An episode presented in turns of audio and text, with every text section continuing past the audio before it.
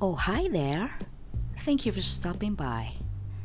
My name is Wika, and I'm a journalist based in Jakarta.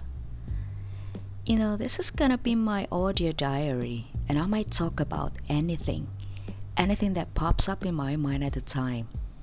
I can talk about society, I can talk about life, about economy, about anything, just anything. So, I'm sorry if it gets all over the place. And if it bothers you, you may skip it. But if you're into it, and if you're interested, let's get to it, shall we?